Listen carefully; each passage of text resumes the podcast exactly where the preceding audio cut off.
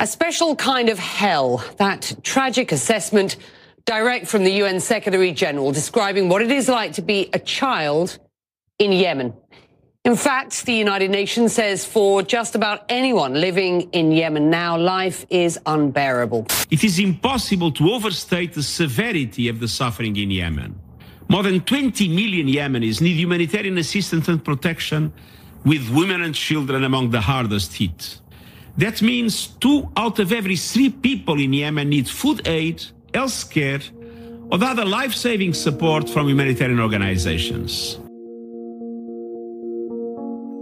Världens största humanitära katastrof, den bortglömda konflikten, det bortglömda kriget. Oavsett epitet handlar det här om ett land i total kollaps.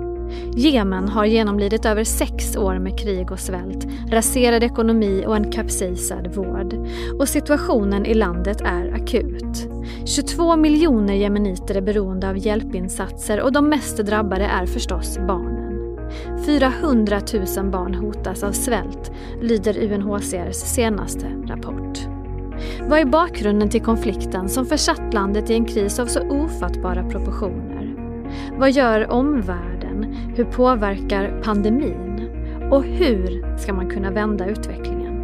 Välkommen till Aftonbladet Daily. Vi ringer upp Måns Molander. Han är Nordenchef på den oberoende människorättsorganisationen Human Rights Watch och får börja med att förklara vem som strider i Jemen och varför. Alltså Jemen har varit i en eh, politisk kris i, i närmare tio år och eh, det, det kriget som just nu pågår kan man se började 2014 när eh, det startades ett, eh, ett väpnat angrepp eh, av en grupp som kallar sig själva Ansar Allah men som av omvärlden och mer i allmän folkmun kallas för Houtierna eller Houthi-rebellerna.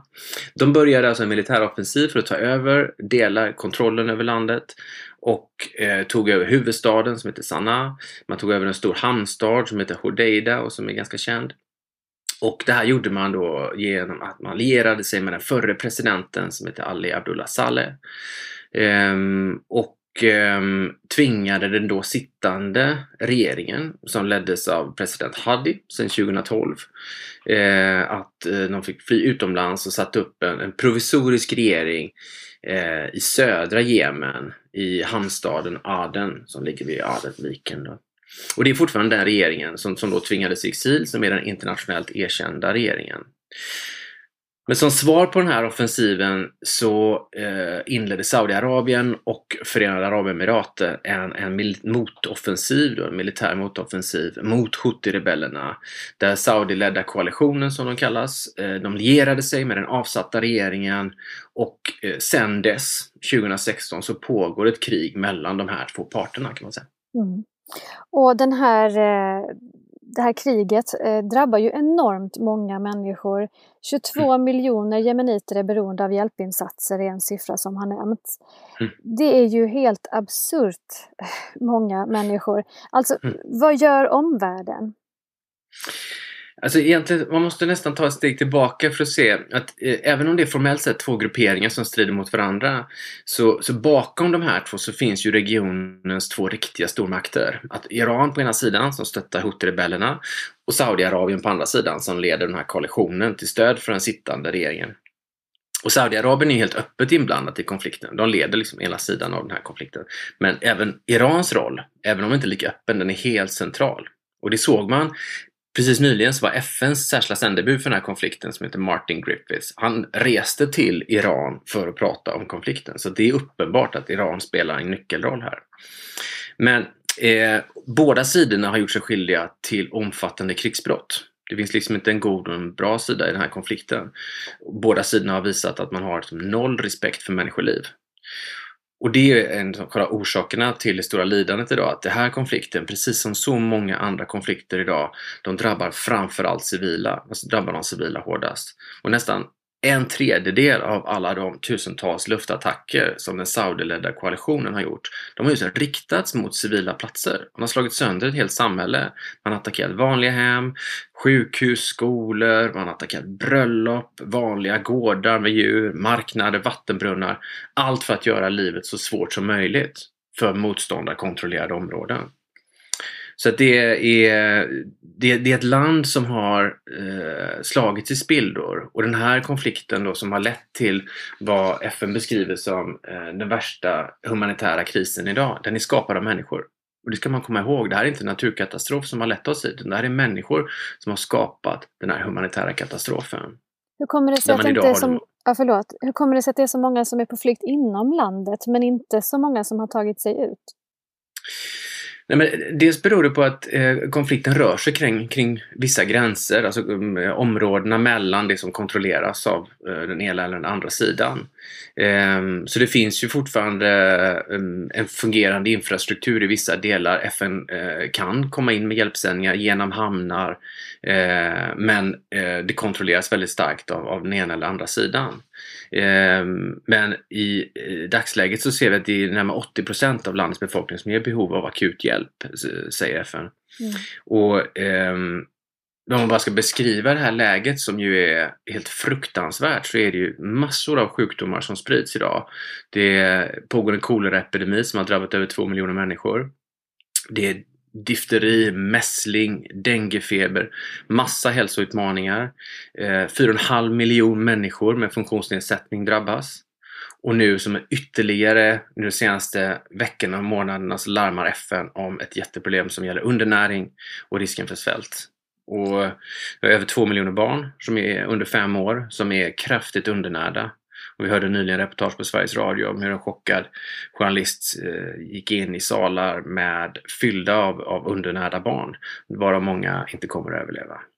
Och hur kommer det sig då att vi inte hört talas mer om den här konflikten egentligen? Jag hörde någonstans att den kallas för den, den glömda konflikten, det glömda kriget. Om det är så många mm. barn som svälter, varför görs det inte mer? Hur, kom, hur kan den humanitära hjälpen inte komma fram?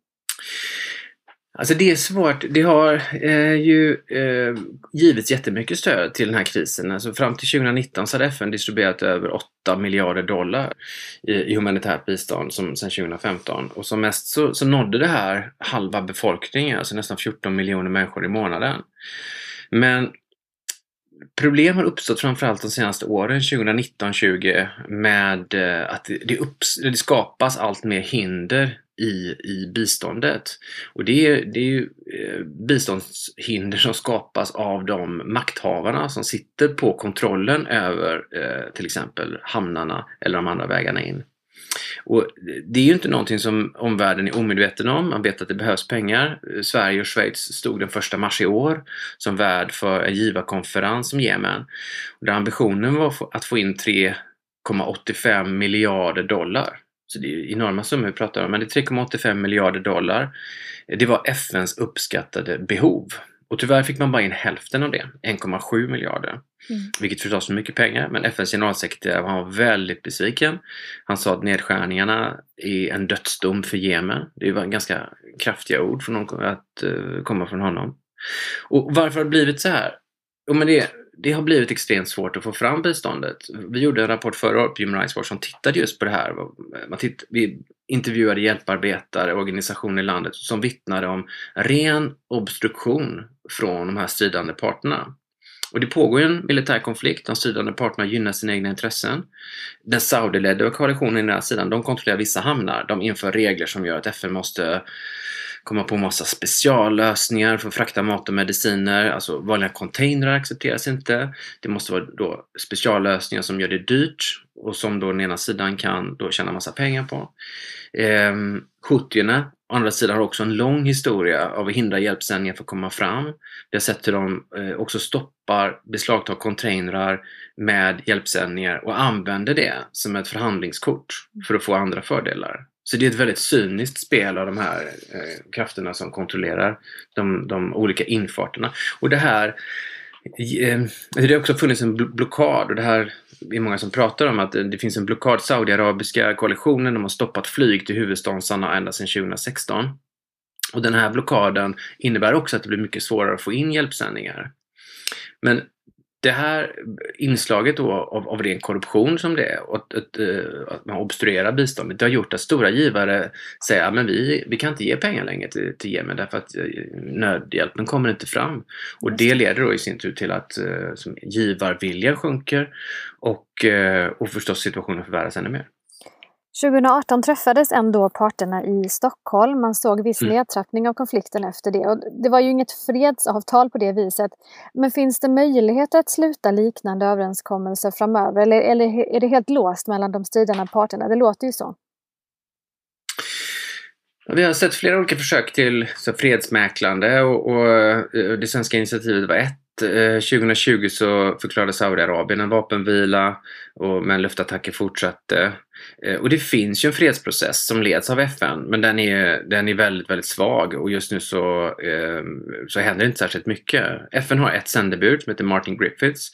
Han försöker få till stånd en dialog mellan parterna och förra året så skedde det ett visst samförstånd genom att man kom överens om en fångutväxling. Nu hoppas man kunna komma fram till något liknande eh, fångutväxling i år men, och kanske bygga vidare på de eh, diskussionerna för att nå eh, längre i, i någon, någon, riktig vapenvila. För det som behöver åstadkommas nu är att, att parterna accepterar att lägga ner vapnen. Vårdsituationen i landet är ju redan mm. extremt ansatt eh, och nu finns det dessutom en coronapandemi som också har drabbat Jemen. Mm. Vad vet man där om hur det ser ut? Alltså, dels är det svårt att få en, en riktigt tillförlitlig bild av hur läget ser ut i landet därför att eh, det pågår ett propagandakrig också. Houthi-rebellerna som har kontroll över en stor del, de förnekar helt då att det finns ett stort coronautbrott. Eh, det finns mycket ryktesspridning, mycket konspirationsteorier. Men de organisationer som ändå finns på plats, de vittnar ju om massdödlighet, överfulla kyrkogårdar och en total avsaknad av sjukvård. Och Jemen är ett land med extremt dålig sjukvård. Sjukvårdssystemet är liksom i katastroftillstånd. Det är bara hälften av landets 5000 sjukvårdsmottagningar som funkar. Eh, de har enorma behov av mediciner, läkemedel och sjukvårdsutrustning. Så det finns all anledning att anta att, att situationen är eh, väldigt, väldigt allvarlig och att de saknar helt resurser att ta hand om de människor som är sjuka. Hur ser ni på Human Rights Watch på framtiden för Jemen? Vad tror ni kommer krävas för att vända den här utvecklingen?